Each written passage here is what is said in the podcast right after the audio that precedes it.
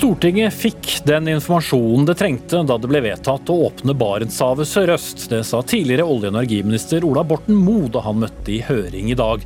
Mens en tidligere topp i Oljedirektoratet mener det var en ukultur i departementet. Mange studenter fortviler, for mens lesesalene deres holdes stengt, ja, så får vanlig bibliotek holde åpent. Det er fullstendig ubegripelig, fortviler student. USAs president Joe Biden og den tyrkiske presidenten er på kollisjonskurs. Første kamp står om landets mest kjente filantrop og fengslede mangemilliardær.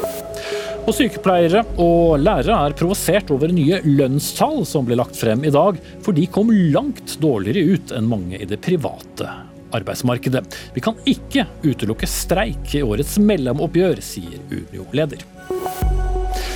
Da sier vi uh, riktig god kveld og velkommen til mandagens Dagsnytt 18. Jeg heter uh, Espen Aas fantes det en ukultur i Olje- og energidepartementet som gjorde at Stortinget ikke fikk vite om en beregning i et notat fra Oljedirektoratet som viste at oljeleting i Barentshavet sørøst kunne være ulønnsom. Det var blant spørsmålene som ble stilt og vurdert på Stortinget i dag, da kontroll- og konsesjonskomiteen hadde hentet inn flere tidligere olje- og energiministre, samt både tidligere og nåværende ansatte i Oljedirektoratet og departementet. For da Stortinget fikk forelagt saken, så ble det sagt at lønnsomheten i Barentshavet sørøst kunne ligge på mellom 50 og 280 milliarder kroner, mens en annen beregning viste at det samme prosjektet kunne være et tapsprosjekt. Og Tidligere olje- og energiminister Ola Borten Moe fra Senterpartiet, og også stadig nestleder i Senterpartiet, du sa i høringen i dag at du som statsråd ikke kjente til dette notatet fra 2013 som viste at det kunne være ulønnsomt, og mente det heller ikke ville endret på utfallet, altså at Stortinget sa ja. Men var det verdt en høringssak? Ja, Det får andre enn meg svar på. Stortinget stiller jo fritt til å kalle inn til de høringene man ønsker, og få belyst de spørsmålene man vil. og så er det min jobb i dette tilfellet som tidligere statsråd å svare så godt jeg kan på de spørsmålene som dukker opp. Ehm, og så er det en litt sånn eh, kinkig sak, fordi at eh, forklaringa er, eh, er, veldig teknisk. For det er egentlig akkurat de samme tallene som er lagt fram. Det er, de samme, det er full enighet om ressursgrunnlaget. Og Det har man egentlig fått demonstrert i høringa i dag òg. Altså, alle har fortalt den samme historien. og Det som er forskjellen, er om det er nåverdiberegna eller, eller, diskontert. Mm. Så det betyr at man regner om fremtidige inntekter og utgifter til, til dagens. dagens, verdi? Ja, ja, og det ble ikke gjort i forbindelse med åpningsmeldinga. Eh, der, der ble verdien eh, demonstrert gjennom en kontantstrømsberegning basert på noen ressursanslag som Oljedirektoratet hadde ansvar for. Eh, og det er både Høyesterett og for så vidt jeg har sagt i dag, det er jo det at det er mer en pedagogisk og etter mitt skjønn også en faglig diskusjon blant økonomer, mer enn det er politikk og et spørsmål om man har oppfylt opplysningsplikta si overfor Stortinget. Mm. Og, og, Poenget er jo at dette var et notat som har dukket opp i forbindelse med denne uh, klimarettssaken. og Det har blitt stilt spørsmål i etterkant om dette var beregninger som Stortinget burde vært forelagt, men også stilt spørsmål om dette var beregninger som du visste om. og Det sa du i dag at du ikke visste om. Ja, det her var aldri en diskusjon eh, på politisk nivå, rett og slett for at åpninga av Barentshavet sørøst handla aldri om det. og Årsaken til det er også ganske viktig. og det er jo at det her er, eh, var et spørsmål om åpning av et havområde som ble tilgjengelig etter delelinjeavtalen ble inngått med Russland. Norge hadde blitt større. En stor utenrikspolitisk seier for Norge og for regjeringa. Og Så er da spørsmålet om eh, vi på norsk side skal finne ut hva det er vi eventuelt eier og har. Det er jo staten som eier olje- og gassressursene. Eh, og Det mente jo regjeringa eh, sterkt og tydelig at eh, vi skulle. Det slutta Stortinget seg til. Det var faktisk SV som først la fram regjeringas beslutning om åpning av Barentshavet sørøst i forbindelse med forvaltningsplanen i 2013.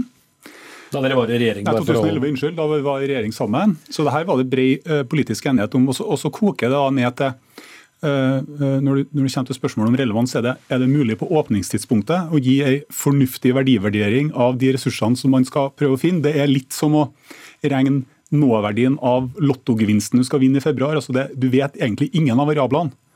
Eh, så Det gjør jo at vi i meldinga har presentert dette her som en kontantstrømsberegning, og det mener jeg for så vidt er en helt kurant måte å, å presentere det på. Her, her visste Stortinget at det var stor usikkerhet. Mm.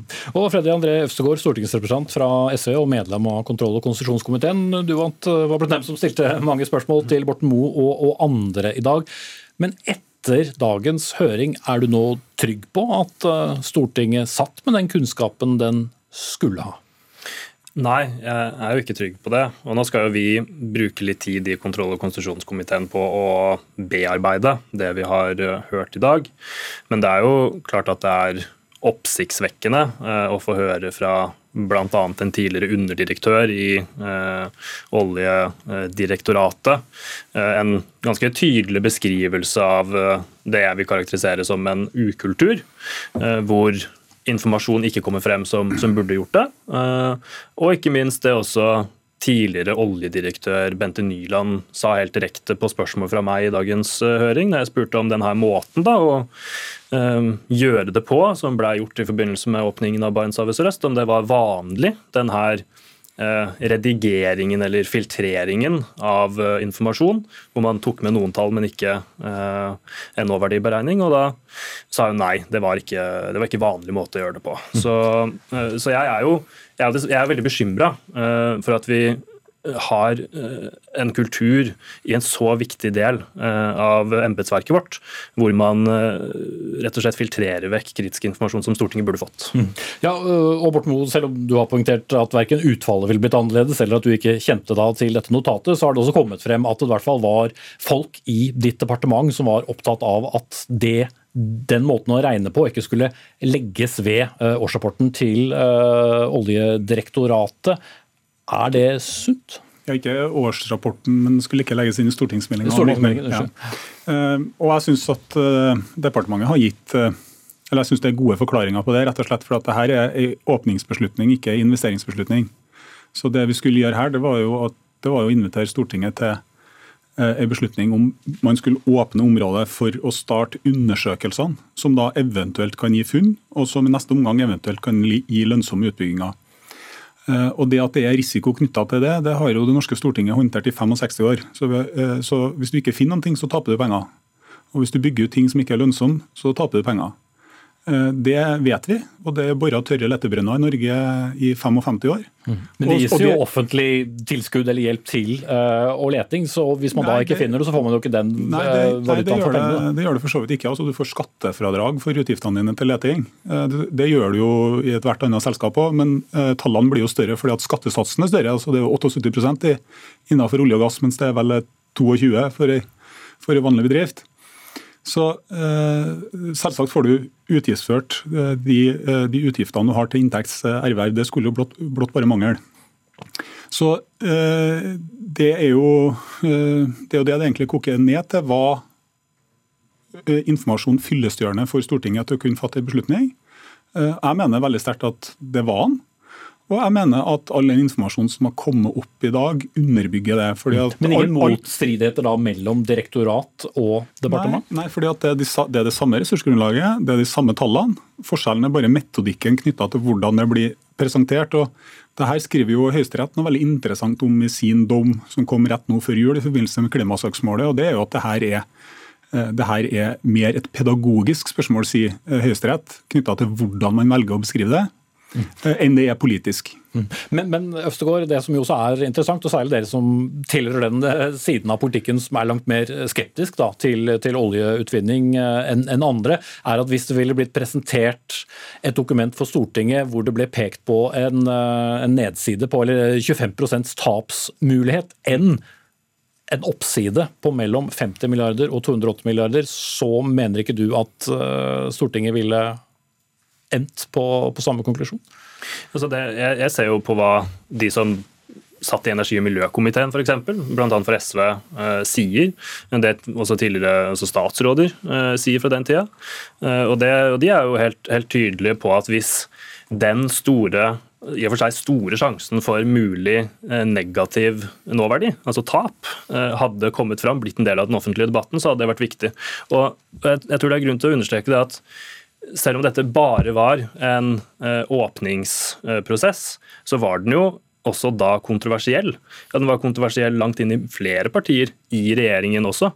Eh, så Det er jo derfor det er så uheldig, mener vi, at man altså satt på et mer komplett, mer oppdatert tallgrunnlag en mer oppdatert beregning som hadde med den nåverdiutregningen, men at den ikke kom frem, blei en del av den debatten. Og, Selv om tallgrunnlaget som Borten Moe sier var det samme? Men Det er en forskjell på uh, om man regner om til nåverdi eller ikke. Det er faktisk ganske viktig, og det vil nok de fleste økonomer si seg enig i òg. For det er klart en stor forskjell på å presentere til Stortinget at ja, dette kan bli opptil 280 milliarder i verdi, versus å si at ja, men det er også en sjanse for at 25% sjanse for at det uh, går i uh, minus. Mm. og Det kom ikke fram for Stortinget. og det, det er det grunn til å se kritisk på. Om det blir lønnsomt, og Per i dag så er det jo heller ikke utvunnet noe som helst. Borten ja, altså for, for SVs del så spiller jo lønnsomhet i olje- og gassnæringa veldig liten rolle. De er jo mot uansett, så Man stemte jo også mot Johan Sverdrup-utbygginga, som nå er nedbetalt 16 måneder etter den starta. dessuten så var det jo sånn at her, man visste jo eh, selvsagt, og det står jo også i meldinga og det står i innstillinga fra komiteen, så står det jo at det ikke bare er stor usikkerhet, men man vet jo at hvis man ikke finner olje og gass, så tjener man heller ikke penger. Så, så det, er jo, det, er jo, det, er jo, veldig veldig enkelt. Og, og så må ikke vi blande stadiene. Altså, det her var åpning for å finne ut hva som eventuelt var der. Og så er det noe helt annet når du kommer til investeringsbeslutning. Da er jeg helt enig med Øvstegård. Da er det viktig å ha en avverdiberegning. Og det er et viktig styringsinstrument. Men på det tidspunktet du åpner og egentlig ikke kjenner noen av de viktige parametrene, så vil jeg mene at det kanskje er mer forvirrende enn det er oppklarende. Vi skal ha med en tredje person, og det er dagens olje- og energiminister Tina Bru. Du er med oss på, på linje. Eh, ville du eh, som øverste eh, politisk ansvarlig i et departement likt og visst om et slikt eh, notat som Borten Moe ikke fikk vite om da han hadde din jobb? Jeg tror det først og fremst er viktig for meg å si at jeg har ikke noe grunnlag for å gjøre noen vurdering av hvordan den rød-grønne regjeringen jobbet, eller hvordan Ola Borten Moe jobbet som statsråd. Men jeg syns at vi har fått uh, gode svar i den høringen som var på, på Stortinget i dag. Um, og jeg jo forholder meg veldig greit og fint til den dommen som kom i Høyesterett nå rett før jul.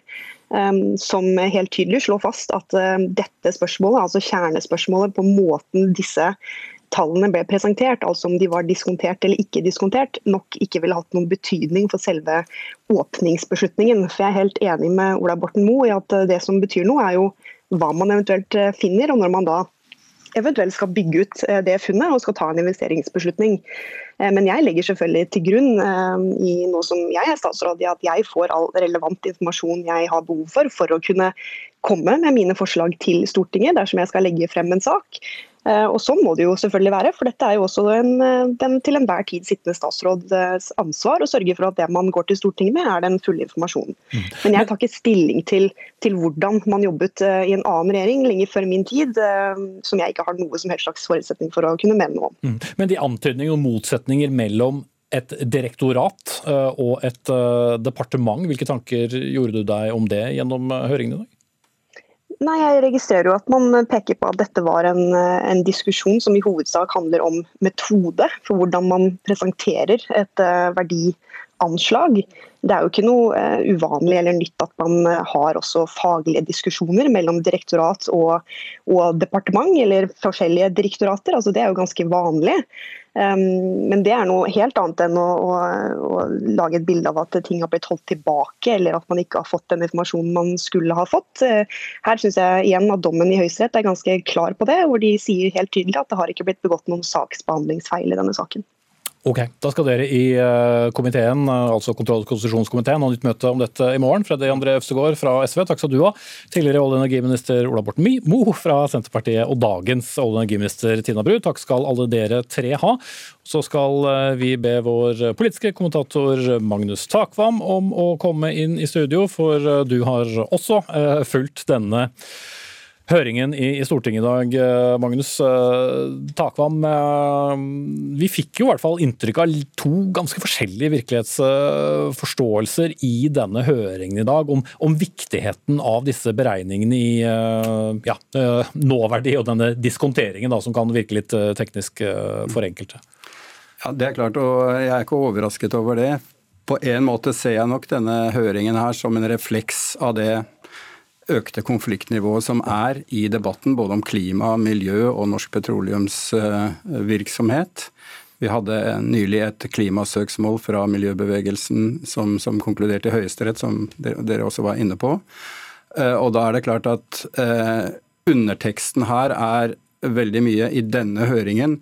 Kan man ha tillit til forvaltningen av våre oljeressurser, departementet, uh, Oljedirektoratet, at de gjør objektive faglige vurderinger, eller er uh, Olje- og energidepartementet på en måte politisert på den måten at de jobber for mest mulig oljevirksomhet i Norge. Og her er det etter min mening ikke mulig å gi et sånt helt objektivt svar, selvfølgelig. Det er en del av den debatten vi har, og kanskje må ha om dette. Mm. Men så startet du hele høringen klokken ni i dag med, med, en tidligere direktør i Oljedirektoratet som snakket om at det var en, en ukultur. Hva slags bilde tegnet det? Det er klart det var oppsiktsvekkende det eh, han kom med i høringen. En tidligere ressursdirektør i Oljedirektoratet som, eh, som, eh, da definerer seg som en varsler, og vel fikk avskjed etter hvert også. Men hans påstand var altså at han hadde opplevd såkalt siling av informasjon fra departementet, og en kultur som han, han reagerte på. Så ble det da riktignok motsagt eh, kraftig eh, fra dagens ledelse i Oljedirektoratet, selvfølgelig. Mm. Det er en mye mer polarisert debatt rundt oljeleting og eh, eventuell utvinning. Per i dag så har jo ikke denne åpningen av Barentshavet sørøst resultert i, i, i, noe som helst. Men eh, lærte vi mest om politiske motsetninger, eller lærte vi også noe mer om embetsverk og forholdet departement og direktorat? Altså, det er klart, eh, Stridens kjerne i denne høringen var offentliggjøringen av denne e-postutvekslingen mellom eh, folk i Oljedepartementet og Oljedirektoratet, som hvis du bare leser teksten, gir et inntrykk av nettopp en vil jeg si, ukultur. Her var det om å gjøre å skrive opp, liksom, eh, heise opp verdiene, potensialet ved, ved, for Barentshavet øst osv. Så, videre. så ble det definert i høringen som eh, på en måte en del av en helt naturlig liksom, diskusjon i forvaltningen som aldri var ment å skulle komme eh, offentligheten for øre. Men det er klart, det du startet med å spørre om, nettopp denne debatten om verdivurderingen, Eh, som, som, som, er litt komplisert å forklare, føler jeg nok at eh, både Tina Bru og Borten Moe eh, skal vi si, det, litt, det, er litt for enkel forklaring å si at vi, det var ikke nødvendig å ha den, fordi alle skjønner at har du en tom oljebrønn, så taper du penger. Liksom, ikke sant? Det er klart at i hvert fall mange av de økonomene jeg har greid å rukket å snakke med, sier at det er jo tross alt en fordel å ha en best mulig også økonomisk verdianalyse av av eh, et slikt svært felt som åpnes, Barentshavet øst, hele området eh, når man skal ta en, ta en slik beslutning. Og, og, og, da selvfølgelig også få fram usikkerheten i det hele. Og det, det handler da som altså det, det, kritiske her er nettopp at den typen debatter som vi har vært vitne til nå, kan bidra til å, og, og si noe om til, eller svekke tilliten til systemet, uh, i verste fall. Mm. Kort til slutt, Får hele denne høringen som vi har vært gjennom i dag, og som for så vidt ikke er konkludert noe på, noe å si for noe? Ikke noe når det gjelder politisk ansvar osv., men jeg, jeg, tror det som sagt er, vil være en del av en fortsatt ganske hard debatt uh, om, om, dette. Det er valgår i år. Det kan bli debatt om f.eks. Oljedepartementet, som både har ansvar for, uh, for, fornybar energi og olje og petroleum. Er det riktig? Eh, har Miljøverndepartementet, Klimadepartementet, for lite verktøy i denne dragkampen? Jeg tror den typen Eh, debatter også kan bli en del av, av, det som vi fortsetter å diskutere i samfunnet om, om dette temaet. Mm. Høringen leses i hvert fall forskjellig ut fra standpunktene man har. Takk skal du ha, Magnus Takva.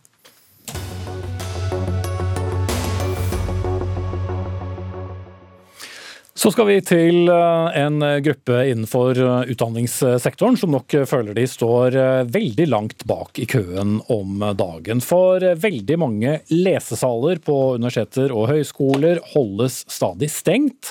Mens biblioteker, butikker og serveringssteder ja, de får holde åpent.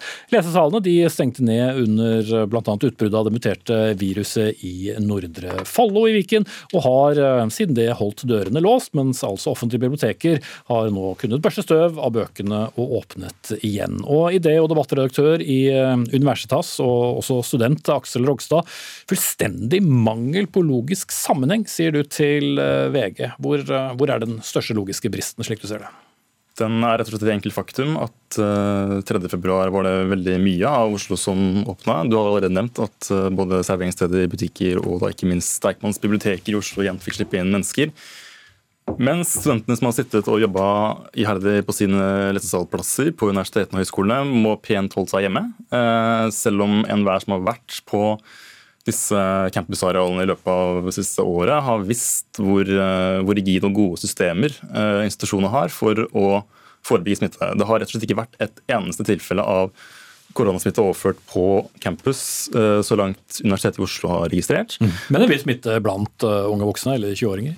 Ja, det stemmer at den unge befolkningen er gruppene hvor det overføres mest smitte. men Faktum er at det her skjer ikke på universitetsarealene. Rektor ved Universitetet i Oslo Svein Stølen bekrefta for oss senest etter at universitetet stengte i januar, at det har ikke blitt registrert smitte som har blitt overført på undervisningsarealene eller på universitetsarealene. Og Det er fordi et universitet er et stort, langstrakt område med gode systemer for å forebygge overføring av smitte.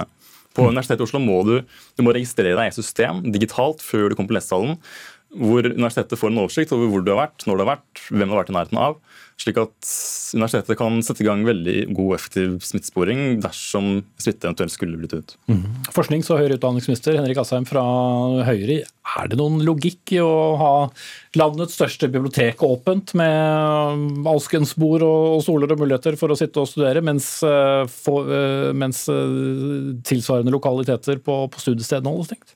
Ja, det er en logikk i det, og den skyldes jo også smittevernfaglige råd vi har fått fra både Helsedirektoratet og Folkehelseinstituttet. Eh, og det baserer seg rett og slett på eh, mobilitet. Det handler ikke om lokale man leser eller eh, jobber i, men om veldig mange må flytte seg rundt i byen for å komme til nettopp akkurat det lokale. Bibliotekene de ligger rundt i byen, ofte brukes av lokalmiljøet. Mens hvis du da går på Blindern, men bor et annet sted i byen, så vil det bety i en situasjon med dette muterte viruset at veldig mange unge mennesker kunne risikere å flytte seg rundt. Og det var grunnen til at man ba om hjemmekontor for alle som kunne ha det osv. også.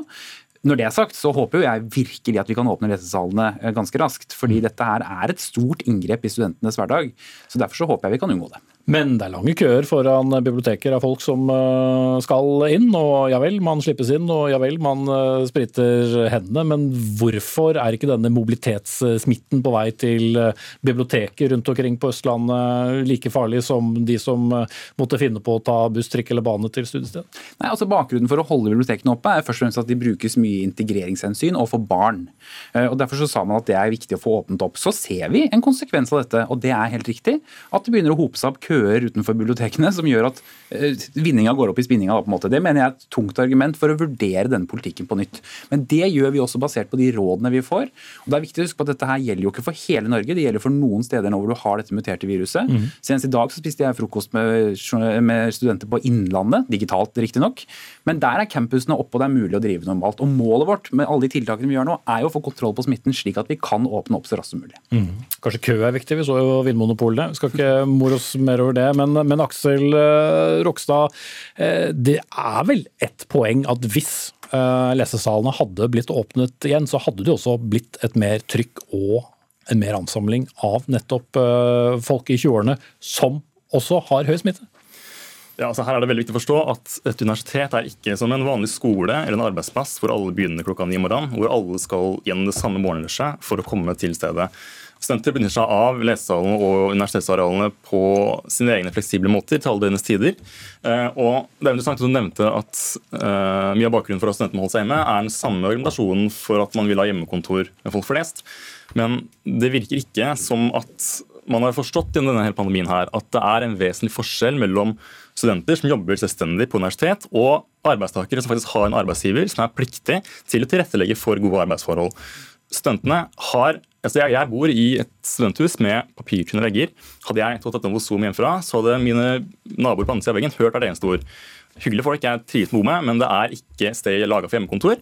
Universitetet hadde i dag en sak om en masterstudent ved UiO som nå har gått tre uker uten å få gjort noen ting, fordi hun pga. sin bosituasjon trenger et ordentlig arbeidsareal å jobbe på. Men det har hun ikke. Universitetet kan ikke gi den tilretteleggingen de trenger, fordi studenter får ikke komme til campus. Mm. Jeg vil ha inn smittevernmyndighetene, og akkurat det siste gikk jo direkte til deg og ikke til smittevernmyndighetene. For det er jo noe som vi også må vurdere. Og nå er jo absolutt alle andre som tilhører en utdanningsinstitusjon på plass. Eh, videregående elever og ungdomsskoleelever også er tilbake på gult nivå, men studentene må fortsatt være hjemme. Ja, og det er dette jeg håper vi kan få jenket på ganske raskt nå. fordi det er klart at, Og det er helt riktig.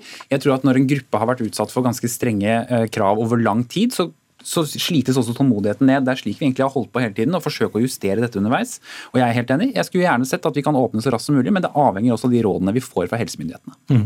Og så, uh, Frode Forland, uh, fagdirektør i Folkehelseinstituttet. Dere sa i går at dere vurderte det som forholdsmessig å åpne for mer fysisk tilstedeværelse på universitetsområdene. Hvorfor er dette da mer aktuelt nå enn da f.eks.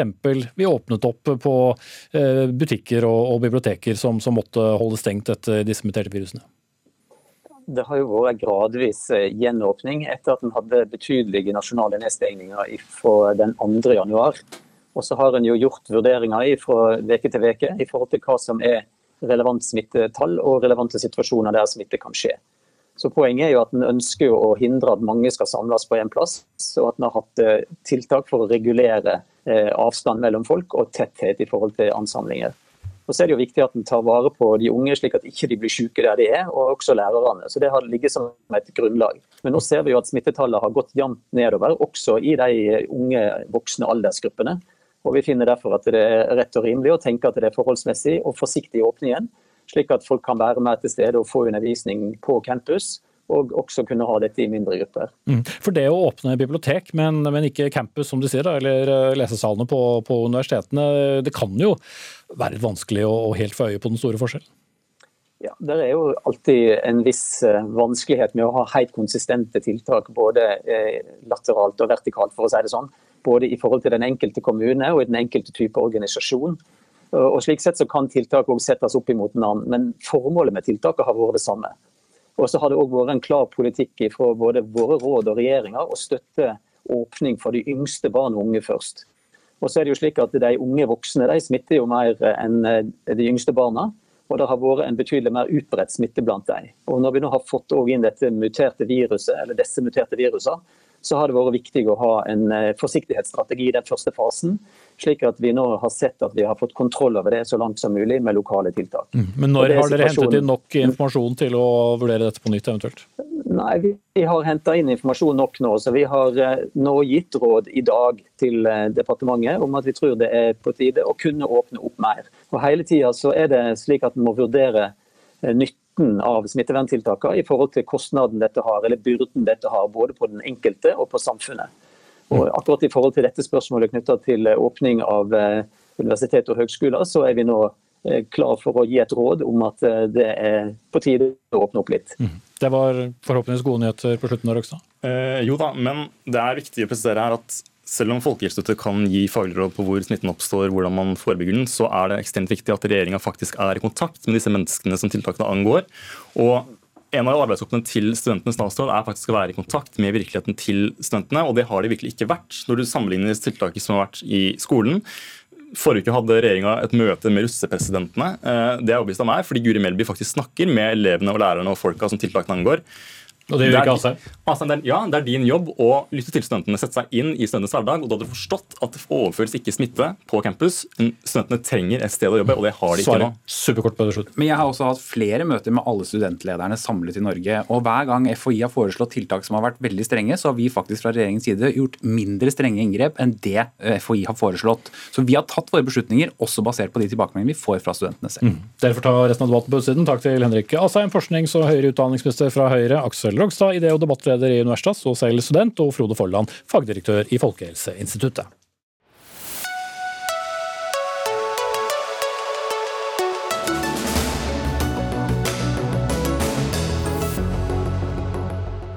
Du lytter til Dagsnytt 18. Vi er halvveis i sendingen, og mot slutten av Dagsnytt 18 skal vi til historien om familien på sju som ble kastet ut av sin kommunale bolig, som både har vekket følelser og en større innsamling av penger. Og til oss kommer det politikere som skal diskutere hvorvidt man bør se på disse regelverkene om kommunale boliger og inntekt på nytt. Men nå skal vi til storpolitikk og et av våre ja, Eh, Nato-kolleger, eh, eller land iallfall, og også for så vidt et favorittreisemål for nordmenn den gang man kunne reise, nemlig Tyrkia. Men som også er eh, blitt en storpolitisk hodepine for USAs nye president. For som kjent så er landets president Erdogan kjent på for å vel ta litt mer lett på menneskerettigheter og demokrati enn det mange land i Europa gjør. Det synes uh, tydeligvis uh, den nye presidenten i USA var noe og Den tidligere presidenten i USA ikke var så mye å dvele ved, men uh, den nye presidenten Joe Biden har tenkt litt annerledes. For sist og nylig har USA kommet med krav om at Tyrkia må slippe fri en mann vi har snakket om i Dagsnytt 18 før, nemlig Osman Kavala. Det er en filantrop og en meget rik mann som sto sentralt Eh, for en tid tilbake. Og dere i Norske Penn, Hege Nut, du er leder eh, der, eh, er også opptatt av ham. La oss først gjenfortelle kort historien om hvorfor dette er blitt en, en viktig mann i, i historien om demokratiet i Tyrkia. Eh, det, utgangspunktet er jo som du sier at han er en ganske altså en velstående forretningsmann og ganske betydningsfull. Det vil si at altså, money talks. Så han har jo Han blir lagt merke til, kort og godt. Han blir, han blir lagt merke til. Han har et enormt eh, nasjonalt og internasjonalt nettverk og mange, mange støttespillere. Så han er en viktig mann i Tyrkia. Eh, og som filantrop så har han helt fra 80-tallet, da etablerte han sitt første forlag etter eh, militærkuppet der, for å kunne sikre at eh, forfattere som ellers ikke fikk utgitt bøkene sine, at de kom til orde, at de fikk utgi bøkene sine. Og siden 90-tallet så har han jobbet intenst for å støtte kunst- og kulturliv både på, altså i landsbygda i Tyrkia, men også i de store byene, og etablert masse kunstsentre. Og hans liksom, mantra har vært den frie kunsten. Å sikre at uh, kunstnere skal få kunne uttrykke seg gjennom litteratur. Og, ja. Men han og president Erdogan er overhodet ikke på, på, bølgelengde, og hans misnøye med presidenten har også fått eh, konsekvenser for ham, sammen med en rekke andre demonstranter, og, og, som også har vært i retten, og som vil du også overvar sist du var med her i, i, i, Dagsnytt 18. Og nå har han også blitt et sånn slags symbol på et litt uh, anstrengt forhold mellom Tyrkia og Vesten. Ja, han har det. Og det, altså, jeg var jo her 18 februar eh, i fjor, eh, faktisk. Det er nesten et år siden. Eller jeg var jo ikke her, jeg var jo utenfor Silivri-fengselet i Tyrkia, for da hadde han akkurat blitt løslatt. Han hadde blitt frifunnet sammen med ni andre tiltalte for eh, å stå bak da Gezi-opprøret, dette såkalte Gezi-park-saken fra 2013. Og det var jo stor jubel i salen, og vi trodde nesten ikke våre egne ører. Og det var helt riktig av oss å ikke tro på, fordi at samme kveld så ble han jo varetektsfengslet på nytt for en ny sak og nå ble han jo da eh, nå ble han siktet for eh, spionasje og for å stå bak statskuppet i 2016. Mm, det mislykkede militærkuppet? Det ja. mislykkede, mener jeg. Unnskyld. Ja, det forsøket på, på statskupp, det var jo ikke det. Um, og siden så og så tenker vi jo, altså dette er jo, eh, Det finnes jo ikke noen eh, det finnes jo ikke noen demokratisk rettsstat i Tyrkia lenger. Det gjør ikke det. Domstolene er politisk styrt. Så dette var en politisk villet eh, avgjørelse. Akkurat det samme som nå skjer. Og Det vil jo si at Erdogan føler seg ganske truet av denne mannen. Mm. Og så har han ikke fått dette, den rømmelige, hyggelige telefonen fra den nye presidenten i USA. da, Sissel Wold, vår korrespondent med adresse Istanbul. Du har jo møtt Kavala selv. Eh, hvor hardt er dette blitt for eh, Erdogan at eh, USAs nye president ikke ser ut til å ha det samme forholdet som forgjengerne? Nå ser jeg på bildene at vi har ikke helt linjen klar til Istanbul, så da får du forsøke å svare litt på dette, Newt. At USA ser ut til å ha inntatt en ganske sånn klar holdning i, i, i spørsmålet her. Ja, og det vi vet altså Nå er jo ikke jeg denne eksperten, men vi vet jo at Erdogan sliter jo veldig økonomisk også i landet sitt. Og han har gjort sånne små forsøk på å tilnærme seg Europa igjen. Eh, mye tyder vel på at han har lyst til å komme inn eh, og tilbake igjen i varmen, og da at da en av verdens mektigste menn går så hardt ut. En ting er at han da ikke tar denne berømte telefonsamtalen etter så mange dagers presidentembete, men at han, at han også faktisk da, altså at hans utenriksdepartement at de også har sånne veldig klare uttalelser på eh, krav i forhold til Erdogan, det tror jeg må være sårt og vondt og provoserende. Mm. Da er Sissel eh, Wold eh, med, får jeg beskjed om, fra, fra Istanbul. Og, og, Sissel Wold, eh, taper han mye ansikt på dette Erdogan nå få opp igjen eh, denne debatten rundt Kavala?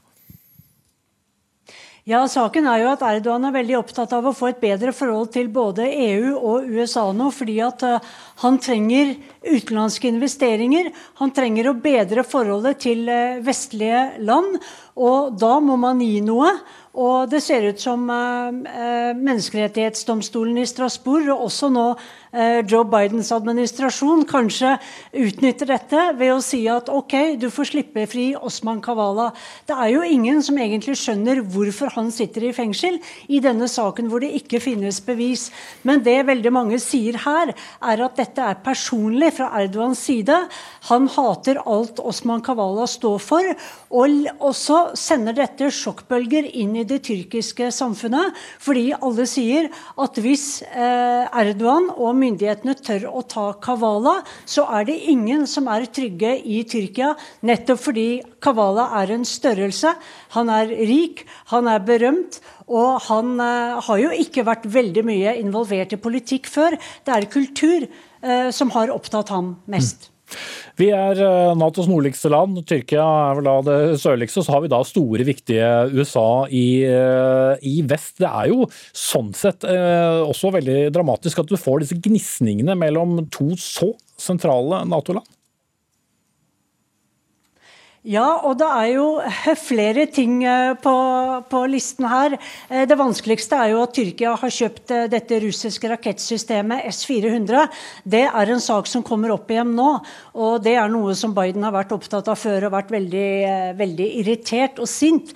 Og Tyrkia prøver jo da å komme USA bitte lite grann i møte ved å si at vi trenger ikke å aktivere disse russiske rakettene. Det sa Tyrkias forsvarsminister sist uke. Og den andre saken er jo Syria, hvor eh, USA støtter de kurdiske eh, gruppene som har kjempet mot IS, YPG. Og Erdogan er rasende fordi at han ser på YPG Eh, denne syriske kurdiske militsen som en alliert av PKK, som er den kurdisk-tyrkiske militsen, som jo er i eh, konstant konflikt, væpnet konflikt eh, med Tyrkia. Så her står de bittert på hver sin side i Syria. Men nå har Osman Kavala-saken også kommet på bordet, og det blir veldig interessant å se hvor denne ender, om man kommer noen vei. Mm.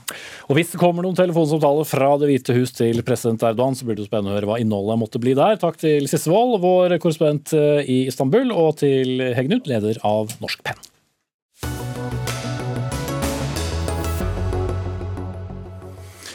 I forkant av vårens lønnsoppgjør, som er et mellomoppgjør, er sykepleiere og lærere nå sterkt provosert av nye tall som ble lagt frem i dag. For Det tekniske beregningsutvalget, eller TBU for de som liker forkortelser, la frem sine foreløpige tall i dag, og det viste at lønnsveksten var langt kraftigere i finanssektoren og varehandelen enn i både industrien og også offentlig sektor. Årslønnsveksten fra 2019 til 2020 er beregnet til 2% for industriarbeidere, til 2,25% for industrifunksjonærer i NHO-bedriftene, men til sammenligning ble f.eks. årslønnsveksten innenfor finanstjenester foreløpig beregnet til 3,25. Men Ragnhild Lid, leder i hovedorganisasjonen Unio. Du rykket ut tidlig i dag på vegne av din organisasjon, der både lærerne gjennom Utdanningsforbundet og sykepleierne gjennom Norsk Sykepleierforbund er medlemmer, og var provosert. Hva var det som provoserte deg i tall som kanskje for det utrente øret ikke høres ut til å være så langt unna hverandre?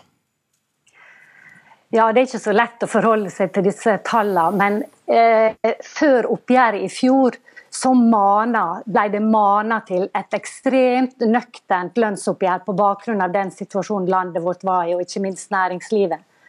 Og Etter forhandlinger og mekling så enda ramma i næringslivet på 1,7% Det var den ramma de anslo. Og Da proklamerte Almli at det skulle ikke komme ei krone mer i lønnstillegg. Mm, altså sjefen i NHO? Ja.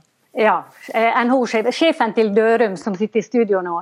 Eh, og Når vi nå ser resultatene, så viser det at det var bare offentlig sektor som forholdt seg til denne ramma. De andre fant mer penger til sine. Eh, altså Næringslivet følgde ikke opp sine egne formaninger. Men det gjorde deres medlemmer, og dermed så føler mange av de i dag at de blir sittende med svarteper. Ja, ikke minst våre medlemmer som opplever at de har stått i en ekstrem arbeidssituasjon i eh, eh, dette året. Eh, både undervisningspersonal gjennom hele utdanningssystemet og eh, helsearbeidere med sykepleiere i spissen. Eh, så de opplever nå at de sitter igjen med applausen, mens andre har fått både applaus og penger. Ja, eh, og Dette jeg... svekker tilliten til frontfaget i, i mine rekker. Uh, dette er viktige yrkesgrupper som det er svært vanskelig å rekruttere. Og vi vet at lønn det fungerer hvis du skal rekruttere inn i et yrke. Ok. Øystein Dørum, sjeføkonom i NHO. Det var du som fikk gleden av å komme, i stedet for din sjef eh, Ole Erik Almrid, og svare på denne kritikken. Og frontfaget, som vi forklarer sånn eh, ca. én gang eh, i året, er jo rett og slett at konkurranseutsatt industri forhandler først, og finner ut hvilket nivå de kan legge seg på lønningene. Og så er det da forventet at bl.a. offentlig sektor og alle andre som kommer etter, ligger på noenlunde samme nivå. Men når vi da får i hvert fall en slags fasit nå, så ser vi da altså at eh, offentlig sektor og lærere og sykepleiere, som nok selv mener de hadde et meget spesielt eh, år i fjor, sakker akterut også overfor medlemmene, eller altså ansatte i dine medlemsbedrifter. Hvordan forklarer du dette? To umiddelbare kommentarer. Altså, den ene er som du selv sier, Frontfagsmodellen innebærer at det er de som har skoa på, den spisseste delen av næringslivet, som skal sette en lønnsvekst som de kan leve med. Og så skal den lønnsveksten danne enorm ramme for de oppgjørene som følger etter. Og Det handler om at disse bedriftene skal kunne ha kostnader som gjør at de kan øh, vinne frem i produktmarkedene der ute. Men de skal også ha en lønnsvekst der hjemme som gjør at de ikke taper kampen om arbeidskraften. Det er ideen bak modellen, og ideen bak modellen har gitt gode resultater for Norge. Høy sysselsetting, lav ledighet. Så er det sånn at uh, dette her er et anslag. Når vi har gjennomført forhandlingene, i dette, dette, året så var ikke NHO med, det var Norsk Industri som forhandlet. Men når, når, de har gjennomført forhandlingene, så er det vår oppgave å lage et anslag på lønnsveksten i industrien. Det anslaget bygger vi på tre faktorer. To kjente. Det ene er overhenget. Det andre er mm. Som er tillit. det som er igjen da fra forrige lønnsoppgjør, og som virker inn på årets uh, Det som er lønnsnivået ved inngangen til, til året, relativt til lønnsnivået i fjor. Så er det tillegget, som er kjent. Og så må vi gjette på, eller anslå, Eh, hva lønnsveksten blir lokalt. Fjoråret var ekstremt spesielt. Eh, store deler av norsk næringsliv var i en dyp, dyp krise. Og vårt anslag var preget av det. Og Det er jo sånn sett ikke frontfagsmodellen som har svikta, men det er anslagene på hva lønnsveksten blir i industrien som i dette tilfellet har sviktet. Selv om vi må også vente og se hva Eh, sammensetningseffektene kan ha spilt oss for puss i tallene. Mm. Håper dere der hjemme klarer å holde styr på både lokale potter og frontfag og dele. Men Lill Sverresdatter Larsen, du er leder av Norsk Sykepleierforbund og er med oss på, på, linje fra Tromsø. Det har eh, gått en kule varmt blant eh, noen av dine medlemmer i dag også, da disse tallene kom, kom frem. For de fleste ønsket litt mer enn applaus.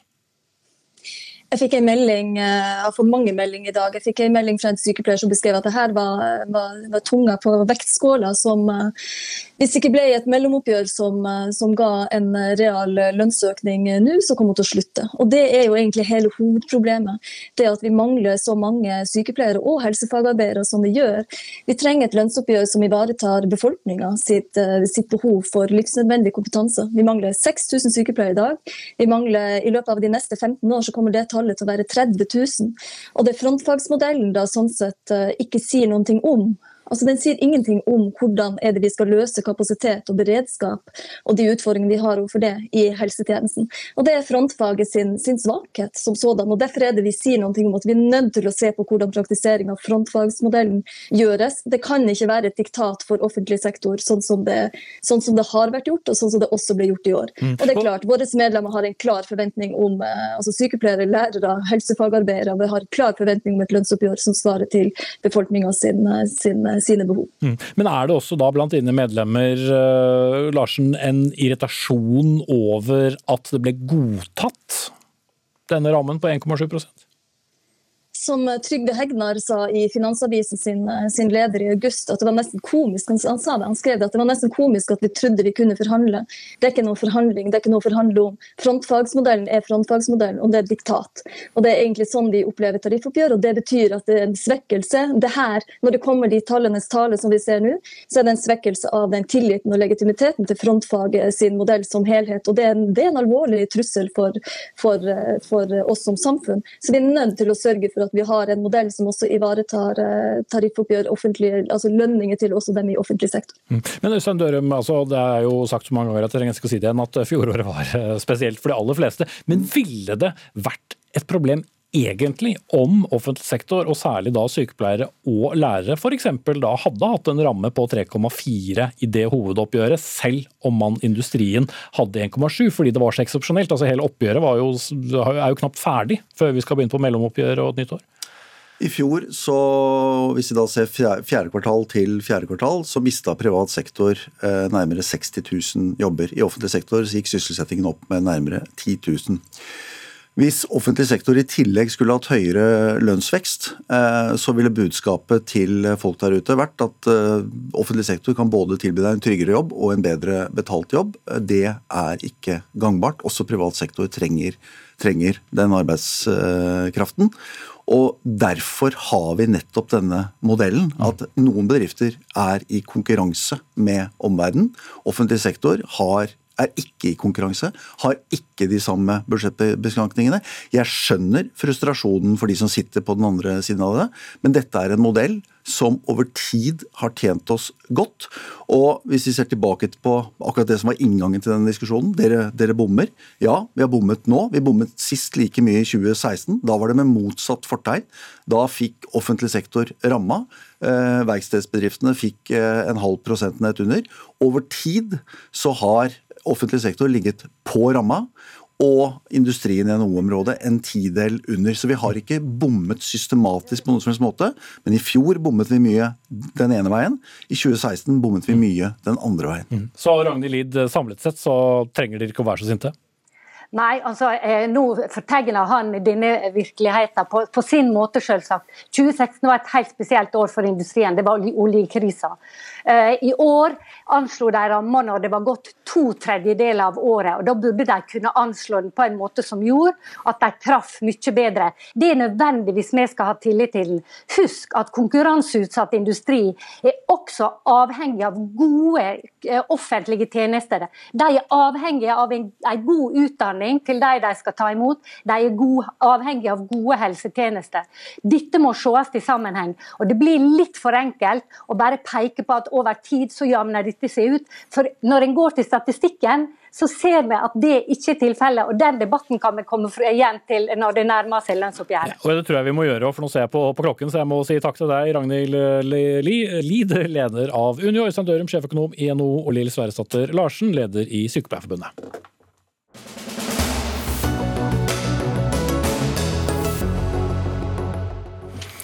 Reaksjonene har vært eh, mange etter at en eh, familie i eh, bydelen Tøyen i Oslo ble kastet ut av sin kommunale bolig i forrige uke. Bevæpnet politi var på stedet for å hente familien, barn inklusive, ut av boligen. Årsaken til at de måtte forlate den kommunale boligen, var at husstanden samlet sett hadde tjent 15 000 kroner mer enn det som er den veiledende grensen for å få en kommunal bolig, som da altså avhenger av hva slags inntekt familien har.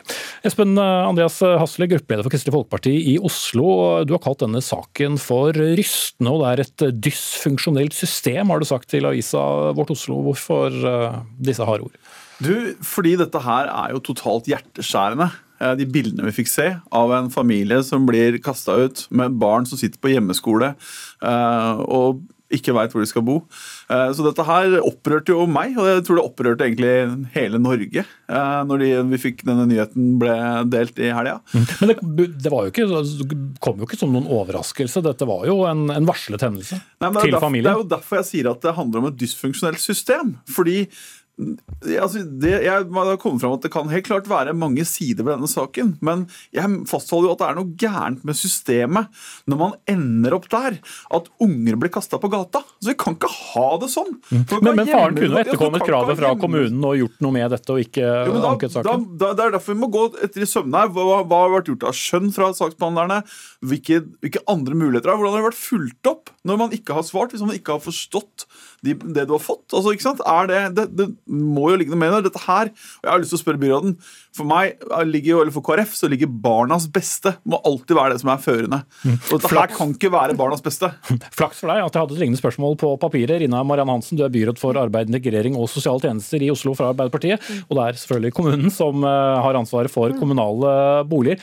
Er det barnas beste når bevæpnet politi kommer og kaster ut en familie? Eh, Pga. 15 000 i løpet av et år? Ja, nå skal ikke jeg gjøre en vurdering verken her eller andre steder av eh, saksbehandlinga. Mm. Det, men, men, det, men vi vet, det fungerer? Det vi vet er jo at eh, barnets beste skal vurderes etter de reglene vi har.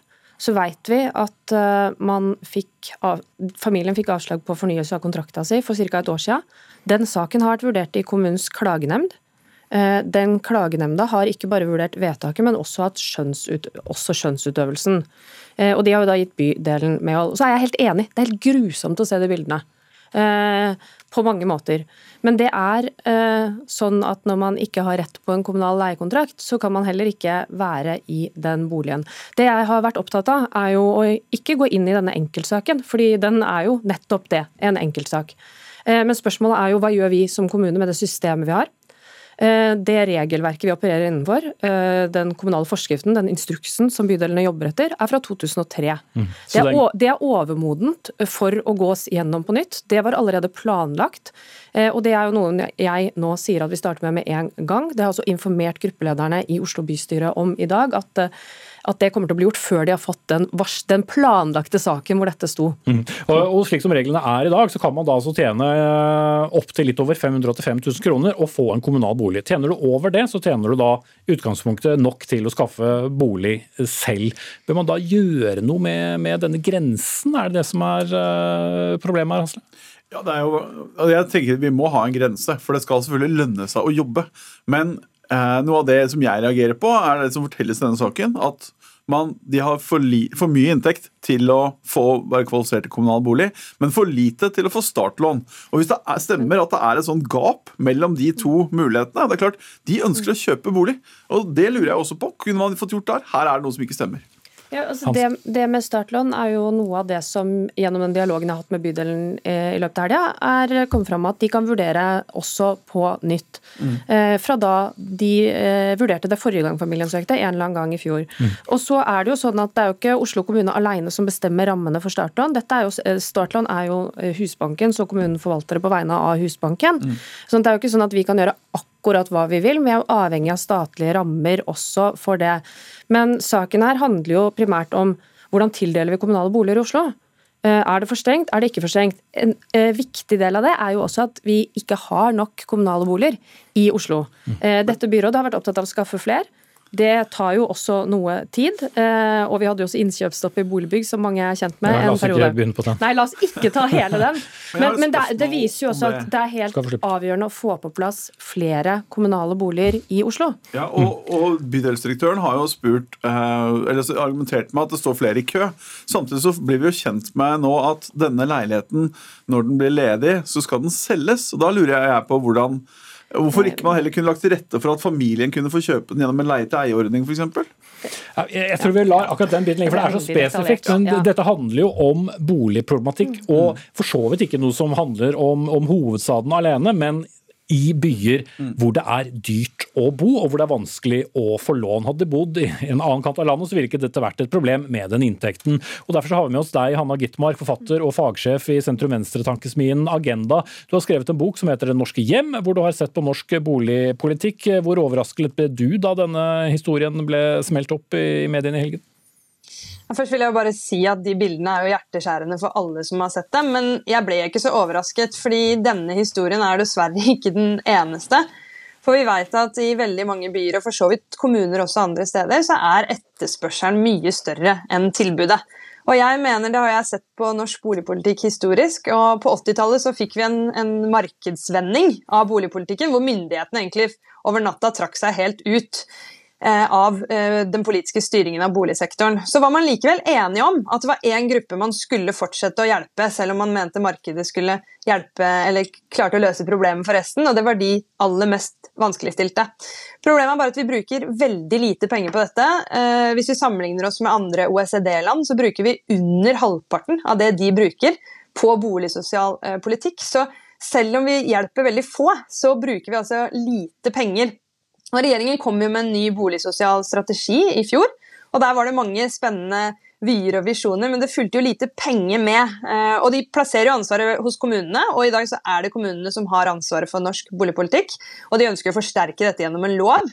og Kommunene kan gjøre mye, men det er helt klart at det også må følge eh, både penger med, og flere regulatoriske grep. Og hvis jeg bare kan si Ett av de er jo en endring av plan- og bygningsloven som mange norske kommuner har bedt om, hvor man kan stille krav til utbyggere om at en viss andel av nye utbyggingsprosjekter skal eh, inkludere leie-til-eie-boliger eller rimelige sosialboliger. Andre typer mm. sånne boligsosiale modeller, så vi ja. får flere Klokken går nå, Hanna Gittmark, men uh, det som er uh, litt av poenget, er at det er så mange stoler å falle imellom. Uh, du kan tjene akkurat lite nok til å få kommunal bolig, men tjener du litt mer, så kan du ikke lenger det. Men det er da vanskelig både å eie, men også å leie en bolig. Igjen avhengig av hvor du bor, enten det er innad i en by eller hvor i landet.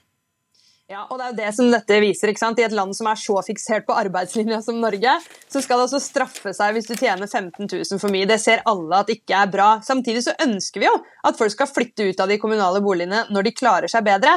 Men det vi trenger er noen smidigere ordninger, muligheter til å overta boligen. For så har Ringerike kommune et godt prosjekt som heter Eie først, hvor de tilbyr familier å kjøpe boligen sin, og så etter hvert kan kommunen kjøpe den tilbake hvis ikke eh, familiene klarer det. Og Dette bør jo spesielt lages særskilte ordninger mm. for barnefamilier, hvor stabilitet er viktigere enn, enn i de fleste andre tilfeller. Sender deg et punktum der, Hanna Gitmark. Vi har eh, også spurt uh, Nikolai Astrup, eh, kommunalministeren, om å stille i dag. Han takket nei til det og viste at det er kommunenes ansvar. Det er dog samlet inn over halvannen million kroner til denne familien fra 7000 forskjellige givere, så det kan jo hende at det blir en slags orden på visa. Dag Dørum var ansvarlig for dagens sending. Hilde Tosterud tok seg av det tekniske. Jeg heter Espen Aas.